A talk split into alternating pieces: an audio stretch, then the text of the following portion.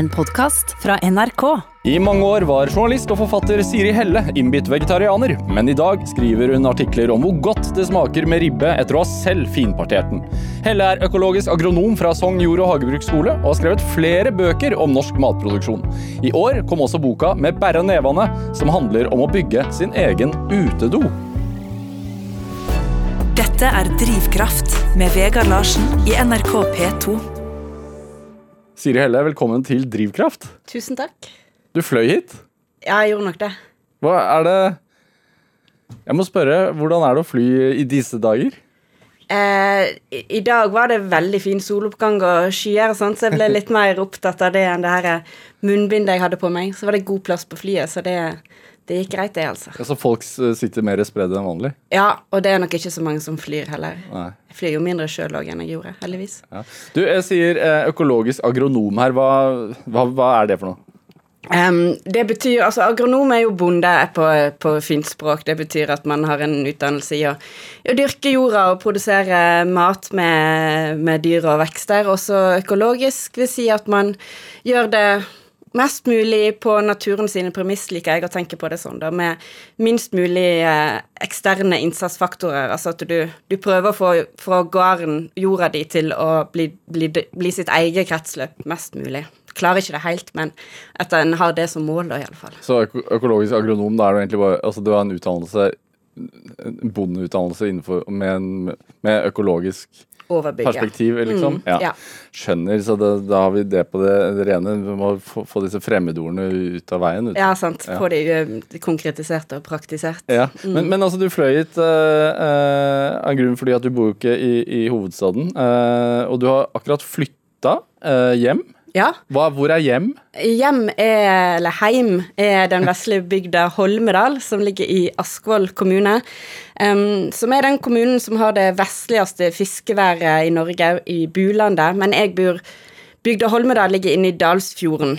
Um, det er da ganske langt ute i Sogn og Fjordane. Ja. Hvor flyttet du fra?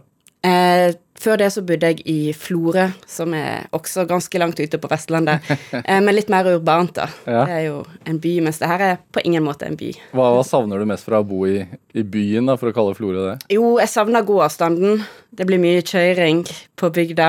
Eh, det er liksom Du må i bilen. Det er ikke noe butikk i Holmdal lenger, sånn som det var da jeg vokste opp. Eh, så man må i bil for å Hvor langt er det til butikken? Det er en, en 12-13 minutter i bil. Ok, ja. ja. så det er ikke Men Det det, er jo det ingen der- avstand. Nei da, men det er det der med at du må inn i den her bilen, og um, um, du har heller ikke det her møtepunktet, da, i, uh, når du flytter til en plass, og ikke har du unger i skolen, ikke har egentlig noe sånn jobb med kollegaer i bygda, så um, savner en den der butikken, da, for å, å treffe på folk tilfeldig og komme i prat og uh, bli integrert. Ja. Så, så den savnes. Hva var grunnen til at du har valgt å flytte hjem, da? Em, det var litt tilfeldig, egentlig. Ja. Um, altså, jeg og, og samboeren min um, var ute etter en plass som, um, som ga oss litt mer plass til å holde på med sånne ting som vi liker. På Vestlandet så har vi et ord som heter å grisle, som er å, å styre på med et eller annet som ikke nødvendigvis går så fort, men som, som går jevnt på fram og blir til et eller annet som du har skapt sjøl. Um, så vi hadde lyst på, lyst på et sånt sted, da. Um, og, um, men så hadde ikke vi lyst til å blakke oss helt fullstendig på det. Så det var litt en kombinasjon av at vi fant denne plassen. Vi fant et hus med et stort uthus og nesten to mål tomt um, til en pris vi hadde råd til. Og at han fikk en artig jobbmulighet i det området. Så da havna vi der, da. Hvorfor tror du Altså for Småbruk eh, de siste årene har jo uh, steget voldsomt i popularitet. Eh, Egentlig over hele landet, men spesielt liksom på, kanskje på østlandsområdet men og vest Vestlandet. Hvorfor tror du at folk har den drømmen? Jeg tror det har med at den drømmen er en del av oss Eller det, de mulighetene man har der, er en del av oss som mennesker. At um, vi er jo skapende vesen, og vi er jo laga for Altså der en andre dyr kan være skapt for å gjøre helt spesifikke ting. Geit er gode på å være i bratt terreng. Hester er gode på å være på steppene. Så vi mennesker vi er gode på å gjøre alt mulig. Å være generelle, generalister. Ja. Det er liksom det vi er da. Og det er um, en egenskap ved oss som det her moderne livet hvor man skal ha en jobb som òg er veldig spesialisert. og så skal man kjøpe alt det andre, ikke helt tar inn over seg. Så derfor tror jeg vi, vi Jeg tror ikke den lengten er noe sånn romantisk nostalgi. Jeg tror den bunner i hva vi er som mennesker. Ja, For, du, for du er egentlig journalist og forfatter? Ja, det er det jeg tjener mest av pengene mine som. Jeg er også um, hva skal jeg kalle meg, tømrer, håndlanger, lærling. jeg jobber sammen med samboeren min og en annen tradisjonshåndverker for tida og går, går, i lære i den bransjen der, da. Så jeg kombinerer de to, som er en veldig god kombinasjon. Da får jeg virkelig brukt hele meg. Ja. Hva får du ut av det, da? Hva, oi um, Jeg får brukt um, kreativiteten og skapertrangen min på en annen måte enn jeg får framfor skjermen.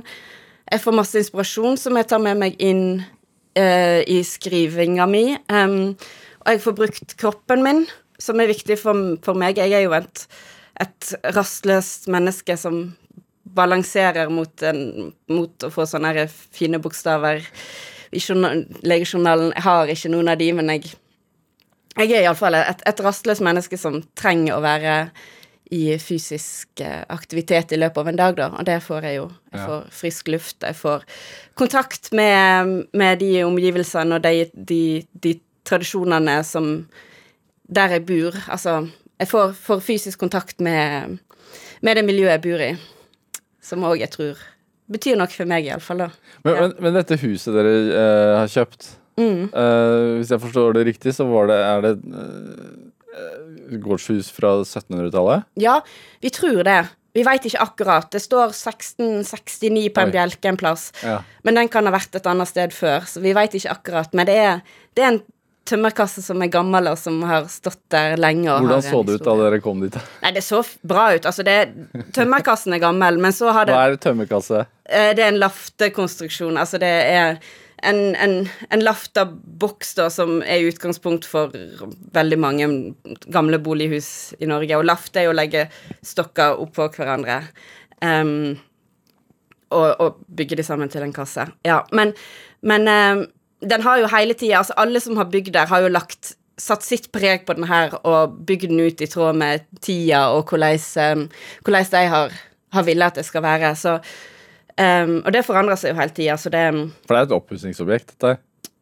På en, ja. Altså, en eiendomsmegler ville kalle det et oppussingsprosjekt.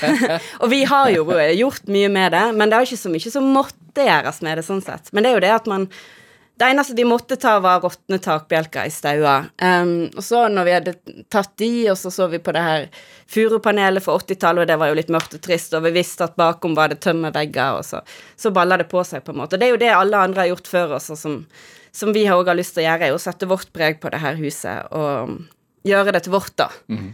Mm, med Hvor lang tid tar det, tror du? Oi. Nei, nå har vi bodd der siden november i fjor og um, fått ferdig stauene sånn omtrent, og så har vi et rom oppe på loftet igjen som vi holder på med nå. Um, og så er det jo det, er jo det jeg har skjønt etter at jeg Jeg har jo flytta mye i mitt liv, over 30 ganger. Oi, hvorfor det? Um, fordi at alt alltid har vært bedre en annen plass, kanskje. Eller fordi jeg ser veldig mange muligheter i livet, og jeg har lyst til å prøve så mye. Og så har jeg tenkt at om jeg flytter en annen plass for å gjøre noe annet som jeg har lyst til, ja. Um, men det jeg har skjønt nå etter at jeg har For nå har jeg jo tenkt at målet er at her skal jeg være. her skal jeg dø i Holmedal. Um, så får vi se, men det er iallfall målet akkurat nå. men det jeg har skjønt i det, da, er at det er jo minst like mye muligheter i det som å drive og flytte hele tida. Um, fordi når du, når du skal være, bli værende plass, så er det så masse du kan skape, og så masse du kan ja, kan, kan, lage deg og forme akkurat sånn som du vil ha det, som du ikke har muligheter til når du bare skal være en plass en avgrensa periode, eller um, er i et sånn midlertidig liv, da. Ja. ja. Og så har dere nesten to mål tomt. Har dere dyr også, eller? Ja. Um, vi har uh, sju høner slash haner, vi er ikke helt sikre på hva som er hva ennå. Tre løpender og en kattunge. Ja. er så langt vi har kommet. Det vokser liksom etter hvert. Det med Høne begynte egentlig med poteter. At uh, vi fikk tak i settepoteter, fikk sett oss en potetåker, og så oppdaga vi at vi hadde uh, veldig uønska kjæledyr, uh, brunsnegler. Um, ja. Og da hva, prøvde å plukke de vekk og prøvde å gifte de vekk og forskjellig, men det virka håpløst. Så fikk vi der tips om enda, da. At um, det skal være bra mot de her sneglene. Og da var det ja, ja, ok, skal vi først skal vi få oss dyr, så blir vi jo enda mer stedbundne på en gang. Da vi, skal, skaffer vi oss enda, så kan vi like godt få høneegg. For da det er jo veldig trivelig å kunne plukke egg. Men, altså, Brunsnegler er jo stadig, som du nevner, er jo stadig vekk eh, på forsidene av avisene. Mm, Er, det, er det et så stort problem som, som tabloidene skal ha det til, eller er det Altså, de er fryktelig ekle, og det er jo veldig tabloidvennlig. Ja. de er jo det, fulle av slim og um, Men så, så er, det gjør det jo vanskelig å dyrke noe. Det gjør det jo fordi at de er de er så mange av de er så overalt, de er så glupske, og de lar seg ikke stoppe av noen ting. Nei. Så um, Hva slags problem har det vært hjemme hos dere, da? Nei, det er, jeg tror vi klarte å kare til oss tre jordbær. Resten gikk i sneglene. Såpass. Og de har spist opp hele potetplanter. Um, jeg satte ned et svarthylltre i vår, og det, det har overlevd, men uh, sniglene gjorde en, uh, en god innsats for å ta livet av det òg. Så de, um, de er natige, altså. Ja. Jeg, jeg, Du er, du er jo eh, opptatt av eh, Økologi og- ja. Ha, har de noe verdi, disse brunsteinene? Det er det. At jeg har vel Jeg har litt vanskelig for å finne den, i alle fall. At, eh, for jeg har jo Det som gjorde det litt sånn tungt og trist, rett og slett, og måtte bruke så mye tid på de, var jo at jeg Ønsket mitt med å ha hage og kunne produsere litt min egen mat, er jo at jeg hadde lyst til å gjøre det i lag med naturen, ikke måtte drive og slåss imot den hele tida. Så derfor var det tungt å måtte gå inn i den her sneglekampen. Men jeg har kanskje skjønt at de her sneglene er jo et resultat av at vi ikke har vært på lag med naturen opp Ja, fordi de er en Er ikke de en hva, hva, feilimportert art? Jo, Eller, heter? svarteliste er jo det fine ja. ordet på det der, ja. At de har, de har kommet hit som blindpassasjerer på et eller annet som kanskje ikke trengte å komme hit i utgangspunktet. Um, og så har de trivdes altfor godt. Ja. Ja. Hvordan, jeg, jeg har brunsnegler i hagen selv, eh, og driver og deler de to. Men det har jeg skjønt at det er feil fremgangsmåte. Altså, de dør jo, men, eh, men de tiltrekker seg jo enda flere kompiser, da, for de liker jo å spise hverandre, de her eh, Ja. drittsekkene. Så det man kan gjøre, er å eh, klippe de to og strå salt på, eller bare strå salt på, de dør da òg. Og så kommer de andre, og så får de også salt på seg, og så dør de òg. Så kan man spa opp hele haugen til slutt.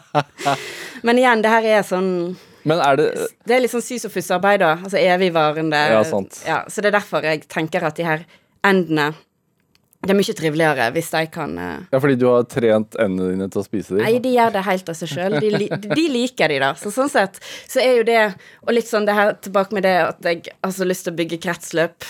Um, nærmest mulig Mest mulig lokale kretsløp. Og da Hvis jeg kan ha de her endene, og de kan like de her brunsneglene og bruke de som mat, og så um, kan jo de legge egg og um, gi meg mat igjen, så ja. blir, det jo, blir det jo noe nytte av de likevel, da.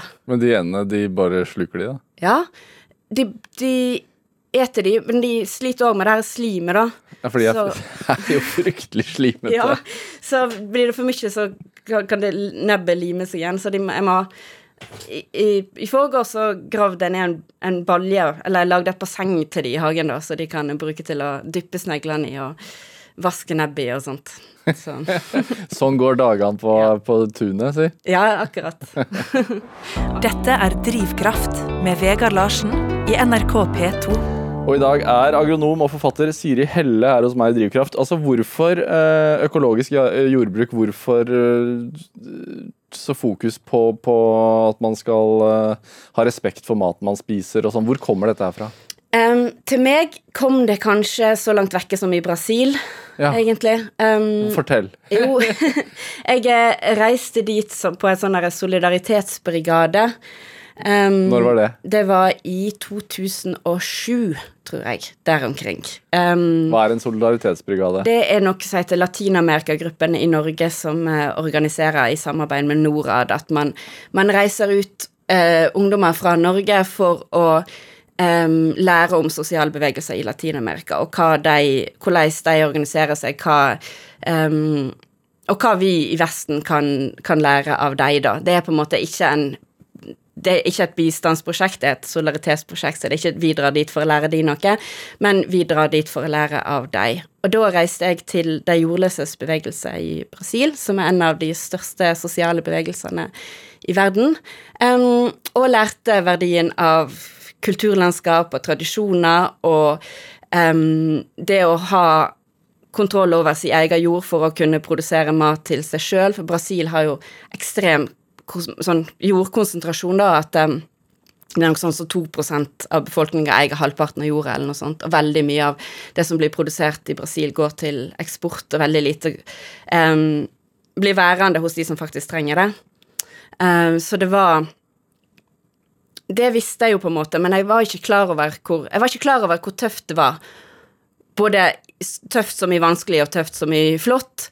Og ta den der kontrollen tilbake igjen, og, og kunne ja, ta det ansvaret og produsere sin, sin, egen mat. Og hvor viktig det er at vi også gjør det. Hva, hva var det som, altså, hva, hva, slags folk møtte du, da? Som, um, som, gjorde dette her med deg? Jeg møtte folk som hadde gått ifra å ha ingenting, bodd i pappeske langs jernbanelinja eller i et skur uh, utafor en småby, eller en, en storby. Um, og uten å ha noen ting og ikke vite hva du skal bruke dagen din til, til å å få det her lille jordstykket, eller ta det her, det er jo en kamp, du må jo gå inn og okkupere og, og, og, sitte på denne jorda, og så får du da etter hvert retten til å dyrke det, og hva det gir både av stolthet og av verdighet, ikke minst, det er et ord som de bruker veldig mye, at eh, det å ha sin egen jord og kunne produsere sin egen mat eh, til seg sjøl og de som er rundt den lokalt, hva, hva verdighet det gir da i forhold til å være avhengig av sosialhjelp eller hjelp fra staten eller det å, å, å, å kunne ta kontrollen over sine egne liv, da. Um, mm. Og så lærte jeg at det beste måten vi kan støtte de her på, er å gjøre akkurat det samme her hjemme. Hvorfor det? Fordi uh, at jo mer avhengig vi gjør oss av eksport for Brasil, jo vanskeligere blir det for småbøndene i Brasil å, ha, å få kunne produsere mat i seg sjøl. Um. Jo mer mat vi, vi, produserer for eksport i stor skala, um, jo, jo, jo, vanskeligere blir denne kampen, da. Mm. Så det å bruke alle de her små jordlappene og sende dyra på beite i fjellet um, og ha en liten potetåker i hagen, alt det der er med og bidrar til å Til en mer rettferdig fordeling av mat i verden. Ja. Men er det ikke noe sånn at det faktisk ikke er mulig at altså, Det er ikke bærekraftig at alle skal ha sin egen åker heller? Jo da. det kommer an på litt på hva den åkeren er for noe, og hva bærekraft er for noe. Altså um, Det spørs hvor mange plastikkdingser du kjøper på plantasjen, og hvor, uh, altså, hvor alle de frøene du, du kjøper, kommer fra. Men men, men, vi kan ikke bare tenke bærekraft som et regnestykke heller, er jeg litt opptatt av. At uh, det handler jo om, om forståelse og om um, alle de her vanskelige, store sammenhengene som, som, er Altså, de er for mye i naturen, er for komplisert til å eh, trekke ned til et regnestykke, syns jeg. At, ja. um, Følte du at vi hadde mistet det litt? Altså, eller hadde du mistet det litt, den der kontakten? Litt. Hvorfor det? Um, si det. Altså, det er jo jeg har jo også en bakgrunn i miljøbevegelsen eh, fra Og der har man også, i hvert fall i deler av den, sett seg litt blind på de her klimaregnestykkene, tror jeg. At alt, alt handler om CO2, kilo og ekvivalenter, og eh, så lenge det er lavere, så er det bedre. Um, og det er jo noe vi må ha med oss, men jeg tror at at sannheten er mer komplisert enn som så, da. At vi må ha med oss Det er jo som, som, det gjerne blir sagt, at man redder ikke klimaet gjennom å ødelegge naturen. Det er jo som Man snakker om vindmøller, men det gjelder også litt her, da, at um, det å det å ha kunnskapen, altså den kunnskapen en får fra å ha en egen åker, den er eh, gull verdt i å, å I hva en verdsetter i andre ting. Altså, når jeg begynte på på jordbruksskole, en av de første tingene som slo meg, var hvor mange ganger en enkel blomkål har vært tatt på av et menneske før den havna i butikken?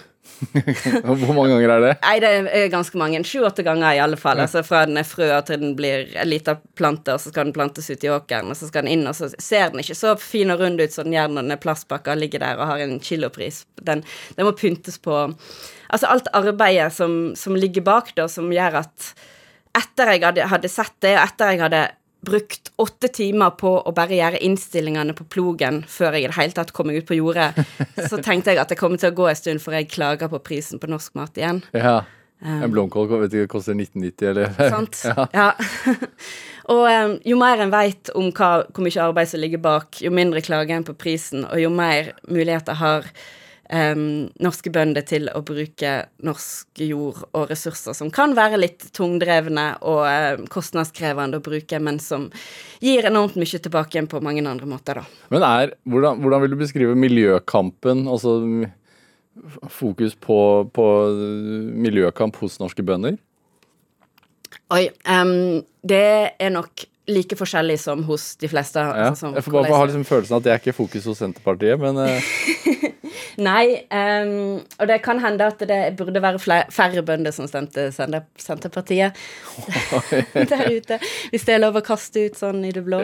Men um, altså, jeg tror at mange bønder jeg tror at veldig mange bønder er opptatt av miljø, men så må de også få regnskapet til å gå opp til slutt. Og de er avhengig av å gå i det minste i null. Altså, er, eh, hvis de er heldige, så går de litt i pluss.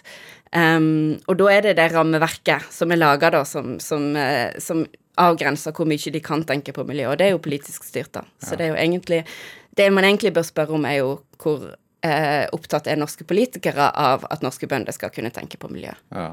Sant. Altså, uh, jeg, nevner jo at du har skrevet artikler og bøker om, om matproduksjon, blant annet. Men, men også den siste boka di, med, med Bære nevene, mm.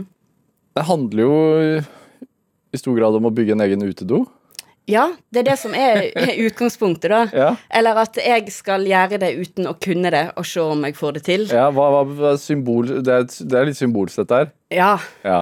Hva er symbolikken? uh, nei, altså en utedo er jo den enkleste av alle, alle bygninger på mange måter, og um, um, Men likevel så er det å eller det å, å, sette opp en bygning sjøl har blitt så fjernt for det veldig mange av oss at det har blitt så nesten umulig. Um, så jeg vil vel litt sånn avmystifisere litt, grann, da. At, og si at det er ikke Du må ikke ha gått mange år på skole eller uh, ha um, en svær bil full av verktøy for å gjøre noe sånt. Det går, uh, det går an, men man må, man må tørre, og så må man eh, vite at det ikke kommer til å bli perfekt. Eller man må akseptere det. Var egentlig det vanskeligste, syns jeg, da. Sånn i etterkant så pleier jeg å si det, at det vanskeligste var å overbevise meg sjøl om at jeg kunne. Ja. Um, når jeg vel hadde gjort det, så var det massevis av praktiske utfordringer, men de er jo der, og så, og så håndterer vi det igjen etter en, og så um, blir det på en eller annen måte. Og så blir det sannsynligvis bra nok. Men var, hvordan kom du opp med denne ideen? Um, jeg uh, har ei hytte, eller det er den eneste plassen jeg alltid har vært, er ei lita hytte som ligger nå omtrent en halvtime fra, fra det huset jeg nå har kjøpt, men den har jeg helt ifra barndommen. Det var farfar som fikk sett den opp. Um, farfar var en, en flittig maur. Uh, gjorde som han skulle på 50-tallet, planta masse sitkagran rundt det som en gang var ei hytte på fjellet, som nå Som nå er gjemt bort? Ja. ja. Bokstavelig talt helt gjemt bort. Så da jeg begynte å um, å rydde de her sitkagranene, da. Hadde lært meg å bruke motorsag på jordbruksskole og tenkte at det her var en bra utfordring for meg å um, få utløp for litt energi og sånt. Um, og så ble det jo store tømmerhauger, og jeg syns det var som, som, måtte gjøres noe med, så det var det ene. Hva skal jeg bruke det tømmeret til? Og så det andre var Det er veldig trivelig å være her oppe, jeg har lyst til å være mer Jeg trenger, jeg trenger det her utedobygget. Ja. um, og eh, skal jeg få det, og ha, når jeg har så masse tømmer liggende, så blir det tullete å drive og kjøpe planker på byggevarehuset, byggevarehus og bære de opp, og jeg må prøve å gjøre noe med det jeg har liggende her. Um, det hører, altså, ja. en, en utedo er jo en liten konstruksjon, mm. men likevel så det du beskriver til meg nå, er jo et kjempeprosjekt. det er akkurat det, sant? Ja. Runde trestammer. Um, skal, bli flate, skal de bli flate planker? Hvordan skal jeg få det til uten noe sagbruk? Skal jeg bygge ei dør? Um, hva skal jeg legge på taket? Altså alt, alt det der. Masse sånn når jeg først bestemte meg, først bestemte meg, og så kom alle de her mennene, og så måtte jeg bestemme for at jeg skal ikke vite helt hvordan det skal bli. Jeg skal ikke gå fra A til Å nå. Skal jeg begynne på A, og så skal jeg ta det etter hvert. Så det ble masse masse ombestemminger og fram og tilbake og opp og ned. Men, ehm, men det ble en utedoade, da. Ja. Med noen vegger som er vevd av med einekvister, som er en sånn gammel tradisjon da på Vestlandet, og, og brakekledning heter det. Og, og veve med einekvister, rett og slett, så får du en, eh, en, en tett, men um, veldig luftig konstruksjon, da. Så begynte det å snø, så kunne jeg ikke gjøre det lenger, for einene snødde ned. Så da fikk jeg tak i en, en, en um, kløyvekniv, så jeg kunne lage spon av sitkagranene mine. Jeg lurer på om det er noe som har gjort før, å lage spon av sitkagran, men det har jeg gjort. Spikra på noen av veggene. Så um, Hvor, hvor lang tid tok dette? Nei, det her er jo ikke noe som noen har betalt meg for å gjøre, så jeg har gjort det innimellom. Så det tok vel et års Et drøyt år, da. Ja. Til og fra. Fungerer den, da? Det fungerer. Ja. Det gjør den. Om vinteren, da? Ja. Ja da. Det eneste problemet som er at jeg la sånn isoporsete på for å ha sånn minimum av komfort, og det likte musene, da. De liker å spise på isoporen. Men er det altså Kunne det egentlig vært uh, hva som helst? Som, Mm. for, for det handler jo ikke om en utedo, egentlig. Nei, det kunne vært hva som helst, og det kan være Jeg vil jo fortelle Det her jo, var det jeg valgte å gjøre, fordi at det var det jeg trengte, og det var det jeg hadde lyst til. Og det var litt tilfeldig at det var akkurat det, og det er det jeg prøver å si til andre òg, at um, ikke alle skal bygge utedo, men hvis du har lyst til å gjøre noe, så gjør, begynn med det du har mest lyst til. Ja. Ja, Så det handler bare om å tørre å sette i gang et prosjekt. akkurat. Ja. Og um, ikke være redd for at en ikke skal få det til, at det ikke skal bli helt perfekt. For det blir det nok ikke første gangen, men uh, Men det, det jeg ofte merker, er sånn Skulle gjerne gjort det, men det har jeg ikke tid til. ja, det er jo en utfordring. Ja. Ja, men uh, da må man jo begynne å se hva man bruker tid på, da. Og da er det jo gjerne de her Hvis man kan se bitte litt på den her skjermtida, Ja. eksempel, så er det litt å hente her og der, tenker jeg. Og, og hvis man kan holde det i nærheten av der man er. Sånn Det hadde vært veldig mye kjappere å bygge den utedoen hvis jeg hadde kunne gjort det nå mens jeg bor der jeg bor nå. Da bodde jeg to timer, to og en halv time vekke. Ja. Så det å holde det nært, og det tror jeg jo er det mest givende òg, tror jeg mange har sett i løpet av det siste halvåret når vi har vært hjemme, hvor givende det er å ta fysisk tak i alt det man har rundt seg, um, og forme det med, med egne hender. Hvorfor er det givende, da? Litt tilbake igjen til det her med hva mennesket er, og hva vi har behov for å gjøre. Og vi har litt behov for å skape, tror jeg. Um, og, og, og forme det vi har rundt oss, og ta tak i det. Jeg tror det gir oss um, det, det, det gir oss noe som å kjøpe det ikke gir oss. Det gir oss noe annet, da. Mestringsfølelse. Som eh, jeg, er veldig viktig for meg, har jeg oppdaga. Og det er også mestringsfølelse i å, å skrive en tekst og, og klare å, å formulere noe konkret og, og skildre følelser, sånn at noen andre kan dele i den. Det er mestringsfølelse i det òg, men den er noe annet enn det å, å felle et tre som ikke vil bli felt den veien man skal felle det, og, og støte på problemet at det ikke vil velte, men komme seg rundt det problemet og få det til å dette den veien man skulle det. Men det skulle dette. Det er en annen mestringsfølelse likevel, da. Ja. Som, er, som jeg unner alle å oppleve. Hva, hva lærte du om deg selv når du holdt på med dette her, da? Um, masse. Jeg lærte at jeg um, uh, At jeg kan Jeg lærte at jeg er mer praktisk anlagt enn jeg trodde. altså, Hva at, hadde du lagd Altså, du var jo Du jo Du sa jo at du kunne håndtere en motorsag og sånn, så Mm. noe praktisk anlagt må det jo ha vært. jeg hadde, jeg hadde Altså, jeg, ja, jeg kunne håndtere en motorsag, og jeg kunne melke ei geit. Um, og Det er mer enn de fleste sier. Jo da, sånn at jeg var ikke helt grønn, men jeg hadde det her eh, En litt sånn terskel mot det her å bygge noe i, i tre, og um, veldig respekt for det materialet det er, som har veldig mange Det er jo et levende materiale med sine egne meninger i stor grad. Og om jeg kunne klare å håndtere og forstå det er godt nok til å lage en trygg og varig konstruksjon var jeg skeptisk til før jeg begynte. Ja. Men hva lærte du? Um, jeg lærte at man får til mye med lange skruer og drill.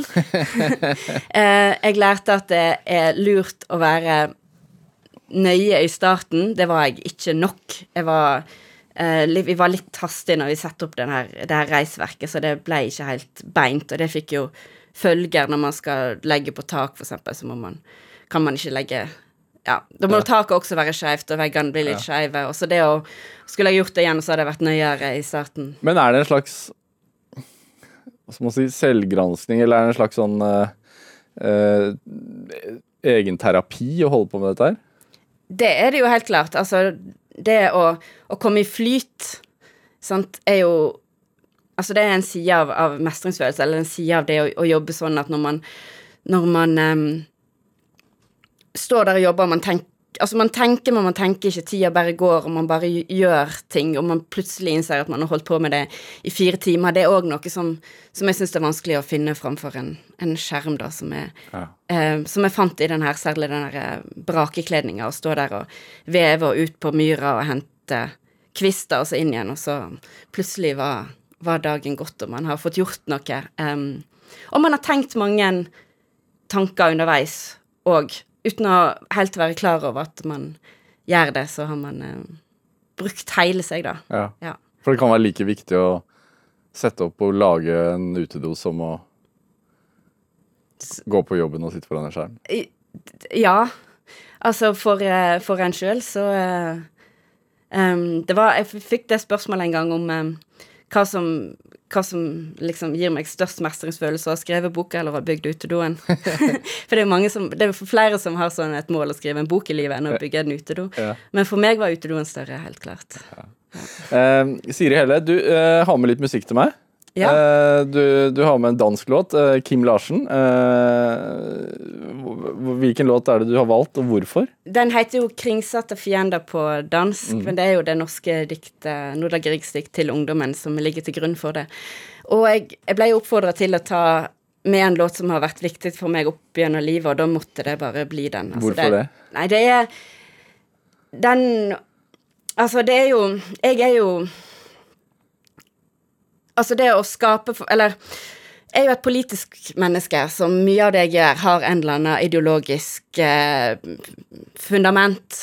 Um, men jeg, jeg, det har liksom fått mer og mer praktiske utslag i løpet av livet. Det er den, det er den teksten liksom har fulgt meg hele veien. At det er forskjellige deler av den som har Fra jeg var eh, tenåring og var opptatt av liksom det her at du skal, skal inn i kampen og slåss, og til, eh, til, til å få Ja, men det er jo ikke edelt, det er mennesket uansett. Så har det, har det gått dit, og nå er det eh, solskinn og brød og ånd eies av alle, altså til fred er å skape, som er der jeg er nå, da. At eh, eh, det her er et program som handler om drivkraft, og min drivkraft er vel det å få mest mulig sammenheng mellom det jeg har i hodet, og det jeg har rundt meg. Ja. Um, og det føler jeg at den teksten uttrykker. Og hvorfor Kim Larsen? Fordi at det må være litt uh, futt og fart i denne kampen. og uh, jeg valgte en liveversjon fordi vi er jo sammen om det, og det er da det blir ordentlig tøft når Ja. man, uh, man gjør det i lag. La oss høre. Kringsatte fjender gå inn i din tid en blodig vi dig til strid Kanskje du spørger i angst Udækket og åben Hvad skal jeg kæmpe med? Hvad er mit våben? Mine damer og herrer, tak for en dejlig aften.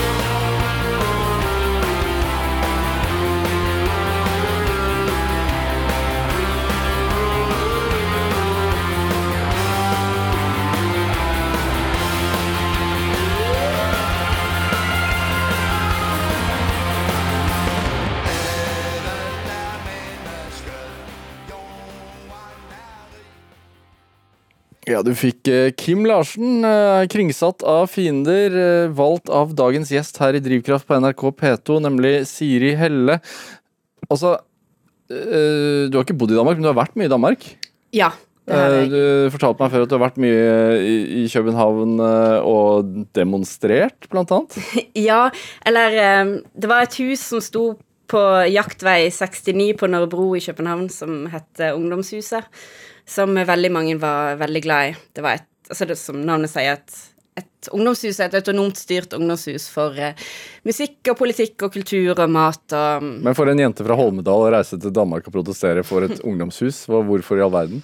Oi, ja, det var jo det, det var ikke rett fra Holmedal til København, da. Det var liksom via miljøbevegelsen, via um, noe som vi kalte for Bergen boligaksjon, og som drev med husokkupasjoner i Bergen. Og det var Politisk bevissthet har jeg nok alltid hatt, og det å um, um, få uttrykke seg sine meninger, at det skal være plass til alle i, i uh, i byen, i, uh, i landet, og at man skal få ha sine sånne plasser som det der, ble liksom viktig for meg, da. Og um, akkurat det her huset ble jo veldig sånn symbolsk. Det var ikke bare i, i, eh, fra Holmedal at det var folk som brydde seg om det, det ble sånn over hele verden. Ja, det ble et symbol, så folk kom, kom fra Europa for å demonstrere på vegne av det huset. Ja.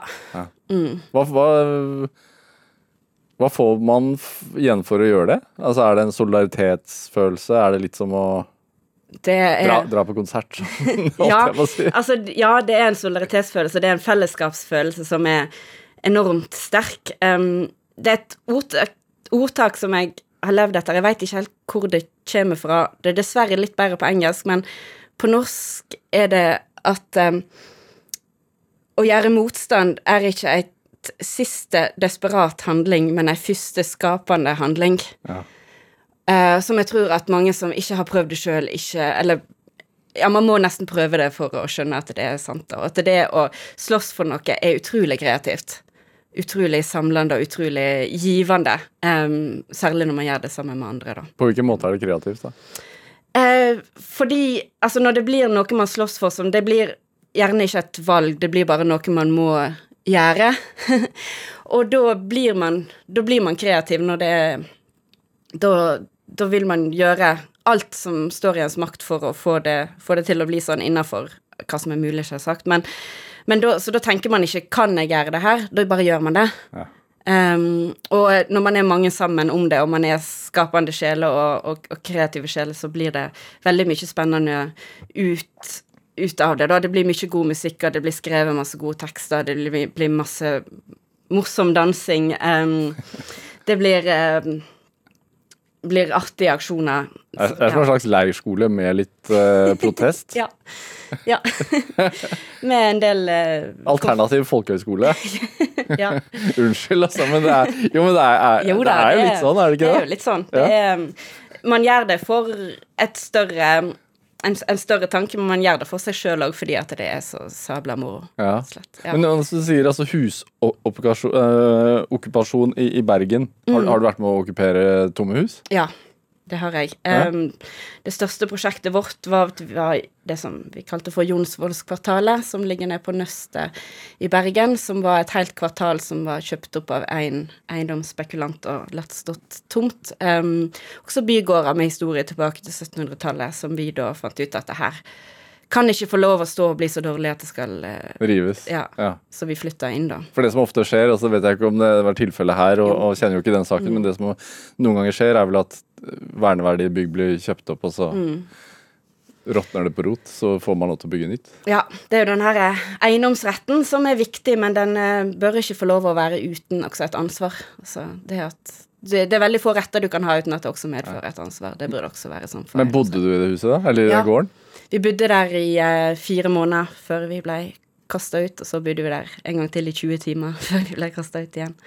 Og det var jo også sånn utrolig eh, kreativt, det å ha det her eh, det, var jo det var jo mye som måtte gjøres med det huset. Det var ikke ubeboelig på noe slags vis, men det var masse å ta tak i. Og det å gjøre det sammen med folk som brenner få det samme som en sjøl, var, var en, en veldig sterk og flott opplevelse. Og vi fikk uh, virkelig lokale eh, velforening og naboer og sånn med, og vi inviterte de inn på risgrøt og saft og um, hadde, hadde teaterforestillinger og um, konserter i gata utafor og kinoframvisning på veggen, og det er utrolig hva muligheter det ligger i et sånt hus da, når en, når en ser det på den måten. Ja. Er det uh, Du sa jo tidligere også at du alt, alt du har gjort, er egentlig kommer fra at du har vært politisk engasjert. Altså er, det, du er, er du fra et politisk engasjert hjem, eller?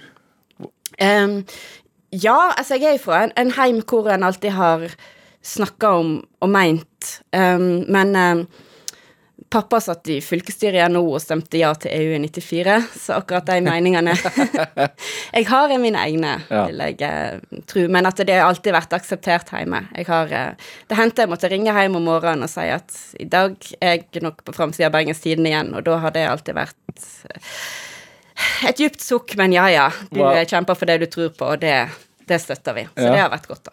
Ja. Det. Men er det eh, Hva gjorde din mor, da? Eh, mamma har litt som meg at hun har hatt tusen eh, forskjellige jobber opp igjennom alt i, i, fra eh, husmor til journalist til kokk på ferje til å nå pensjonere seg fra en jobb i helsevesenet. Ja. Så um, Og pappa var jo um, fabrikkdirektør på familiebedriften Helle knivfabrikk, som eh, farfar min i sin tid starta. Pappa tok over, og lillebror min nå driver. ja. Det er ganske kjente kniver, er det ikke det? Jo da, det er kjente, gode kniver. Tålekniver og sportskniver og bestikk. Så. Har du brukt de i, i byggingen av utedoen, eller? Ja, jeg har alltid en eh, Ikke nå når jeg flyr med håndbagasje, men ellers så har jeg stort sett en hellekniv på meg. Ja. er det eh, Altså Tror du det er tilfeldig hvor, hvorvidt man liksom havner opp Altså og blir eh, politisk engasjert mm. på den måten som, som ung? Godt spørsmål. Litt tilfeldig er det jo. Altså Ja. at jeg traff akkurat eh, At det akkurat var et Natur- og der jeg gikk på videregående på Sandane, f.eks. At det ikke var et målungdomlokallag eller et rød sant? Det er tilfeldigheter. Men um, litt, så litt tilfeldighet og litt hvem jeg er òg, at jeg alltid har Jeg veit ikke. Jeg er jo veldig selvstendig. Jeg um, husker når jeg var tenåring, jeg skjønte aldri hvorfor alle de andre jentene måtte være to for å gjøre ting. fra, alt fra å gå på do til å reise på ferie. Så gjorde jeg det bare. Em, for da ble det akkurat som jeg ville. Um, og det tror jeg er sånn som jeg Sånn som bare er meg. Og det å engasjere seg for noe, og det å ha sterke meninger og sterke, sterke vilje, og så sterke Jeg ser hvordan jeg vil ha det, og da klarer jeg ikke helt å Det er litt, litt det samme som jeg får uttrykk for journa- journalist òg, eller kommentator, at jeg um, Jeg har meninger, og jeg uttrykker dem. Det tror jeg òg er, er litt sånn jeg er født med. Mer født sånn enn blitt sånn? Eh, Akkurat der tror jeg det. Ja. Er det, altså du, du, sa, du sa litt tidligere at du Du sa ikke selv at du hadde en ADHD-diagnose, for det har du aldri fått eh, noen lege til å si, men altså at du har hatt en sånn voldsom rastløshet i deg. Mm. Hadde du det allerede som barn? ja, hadde nok det. Um, men uh, Hvordan Det er merket du det, da? I Altså, jeg merka det både i sånn rent fysisk i at jeg måtte ut og springe så fort det var friminutt, gjerne. At jeg var Jeg var flink på skolen, jeg kunne lese før jeg var fem, og ble fortalt at jeg var flink, så derfor ble det enda viktigere for meg å være det og leve opp til alt det der som Som, um, som ble fortalt at det var. Jeg hadde Men jeg hadde også den her Det var også like viktig for meg å kunne gå ut og klatre i tre og eh, rase rundt og, og, være, og være den delen, da. Mm. Man hører veldig ofte om at uh, unge gutter er rastløse, ikke så ofte om at jenter er det. Nei, og det er gjerne fordi ADHD um, uttrykker seg litt annerledes hos jenter og gutter, og der, men der gutter blir utagerende, blir jenter mer innadvendte, Ja. trekker seg tilbake, drømmer seg vekk, og det er jo ikke like plagsomt for alle andre, og ikke like lett å fange opp heller. Men du har ikke vært sånn, eller? Jeg har vært um, um, Jeg var ekstremt sjenert som liten, iallfall. Jeg satt et par uker i uh, garderoben i barnehagen før jeg turte å gå inn, um, blant annet. Så jeg var jo veldig inni meg sjøl, og det plagde nok mange andre mer enn det plagde meg. Hadde det fint i min egen lille verden, jeg. Ja. Um, sånn sett. Altså, eh, Er det Fremstår for meg som du alltid har hatt et behov for sånn selvstendighet. da. Mm. Og nå, det, det, og det valget du har gjort nå med å flytte på en gård El, el, mikrobruk. Mikrobruk. Ja. Kan ikke kalle det gård. Nei da, to Ja. Mm. mål og, og, eh, og løpeender, var det Ja. ja. Eh, det, det er jo en sånn Det er et valg som er gjort pga. selvstendighet, tenker jeg. Eller? Det er det. Um, samtidig som jeg er veldig klar på at jeg ikke kunne gjort det alene. At eh, det at vi er, er, er to om det, er en helt forutsetning for å, få det til. Og det er litt, litt godt òg. Men det er jo i, i, det, i sånn, det større bildet så handler det om å bli mest mulig selvstendig. Det gjør det. Og um, ha Å kunne produsere sine egne poteter og uh, hente sine egne egg og um, ha tømmer i skogen hvis man trenger til noe. um, fisk i vannet, alt det der. Tror du det er et liv for alle? Nei da. Ikke, Hvis jeg, altså, hvis jeg ser, ingenting på, er for alle. ser Altså. på Farmen, så virker det som om de virkelig ikke er for alle. Nei. I hvert fall Farmen kjendis. Altså det, er jo, det som er trist, er jo at vi er, blir flere og flere som ønsker oss det, og færre og færre som har de ferdighetene til det. Eh, og det er jo en eh, feil ved samfunnet vårt som vi bør ta på alvor, tenker jeg. ja. Ja. Som uh, har litt med utdanning å gjøre, og litt med andre samfunnsinstitusjoner å gjøre. Eller. Dette er Drivkraft med Vegard Larsen i NRK P2. Og i dag er eh, agronom og forfatter Siri Helle her hos meg i Drivkraft. Eh, miljøvern har jo vært noe som har eh, fulgt deg. Eh, hvordan er, står det til med miljøvernsaken i dag, tenker du? Um, jeg, miljøbevegelsen er jo òg for stor til å dra over en kam, heldigvis. Men jeg syns jo at en stor del av den har havna for dypt ned i regnestykket og mista litt sånn det her store perspektivet, eller de større blikka på um, det her Det med Altså, det vi prøver å bevare, er jo jorda. Eh, jorda er jo et økosystem, og det systemet er ofte mer komplisert enn det en del av de her regnestykkene har plass til. Da tenker jeg at det, det er viktig at vi har dem med oss, at vi veit hvor mye CO2 en biff slipper ut. Det er absolutt ikke um, unyttig kunnskap, men det er mer med den biffen enn bare akkurat Akkurat det her CO2-tallet, da, tenker jeg. Ja, men du var vegetarianer. Du var mot kjøttproduksjon. Ja, og det var med, med ressurs eh, som hovedargument, det at det går mer areal for å produsere et kilo kjøtt enn et kilo korn. Men er ikke det sant? Det er sant. Eh, Men så er det alle de tinga som, andre tinga som beitedyra kan gjøre, som eh, kornbonden ikke kan gjøre. Um, som å um, Altså, et beita landskap binder jo mer CO2 enn et gjengrodd landskap, f.eks. Så det å, um, å ha beitedyr til å forvalte landskapet vårt er også bra for klimaet. Men da, det forutsetter jo at beitedyra er i beitelandskapet og ikke inn i fjøset og eter det her kornet i altfor stor grad. Altså det er jo igjen det her systemet som de blir På engelsk sier man 'it's not the cow, it's the how'. Ja. Um, det handler om hvordan man driver jordbruk, ikke at man driver jordbruk med dyr. Så det er storproduksjonen du er uenig i? Ja, storproduksjonen og eh, det her jeg mener, Det verste som har blitt gjort mot norsk jordbruk, er at det har fått et effektivitetsmål. Um, fordi drøvtyggere særlig, de er ikke effektive. De er ekstensive, de er grundige.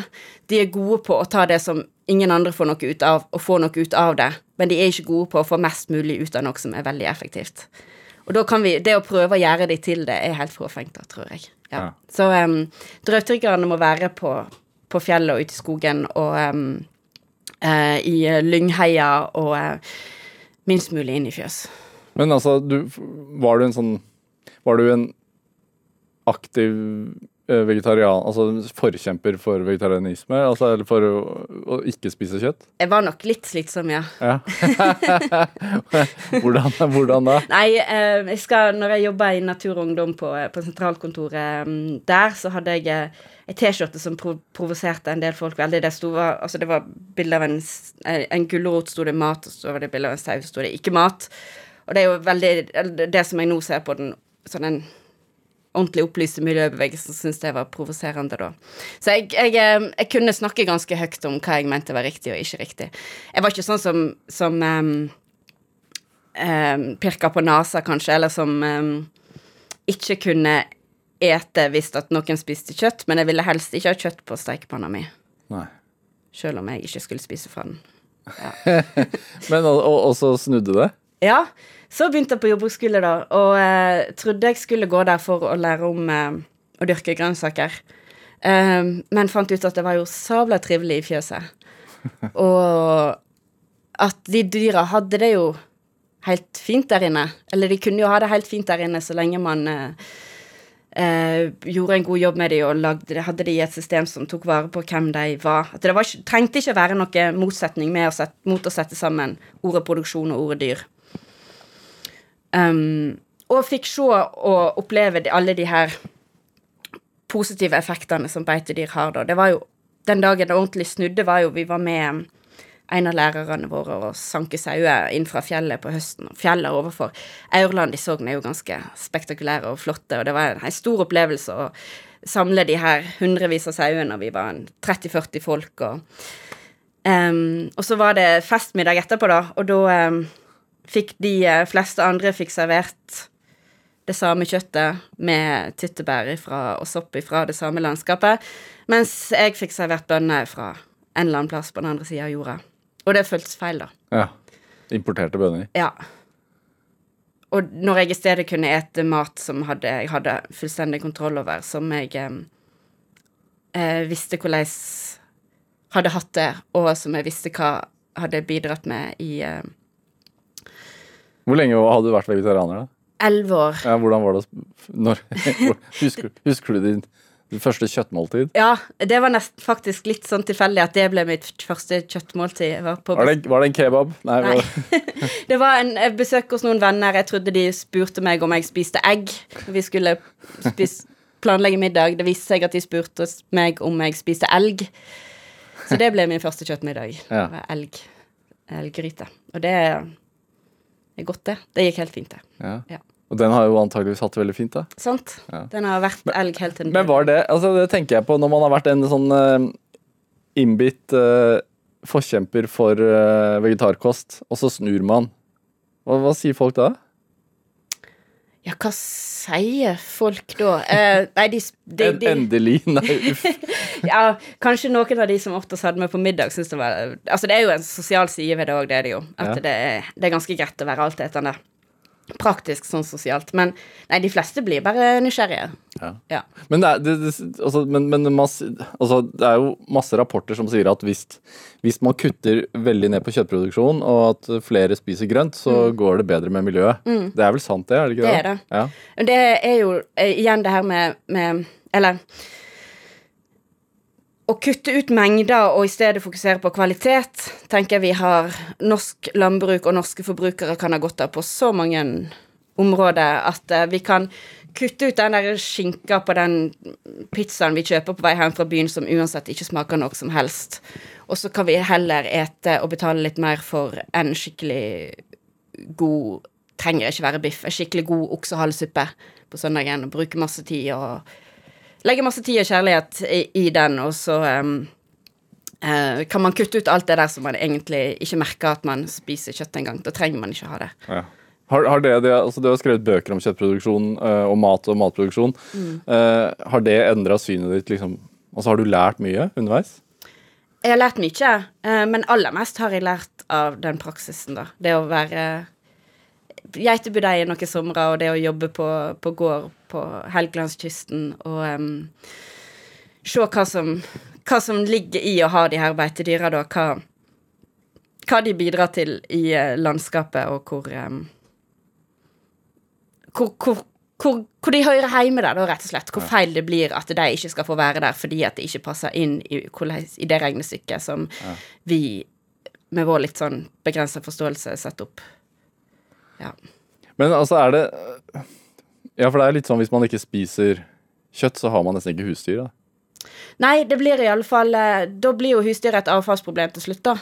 Man, ja, det, ja, og det ser man jo også sånn Det er ikke så lenge siden man så sånn lager med sauekjøtt. Mm, sant.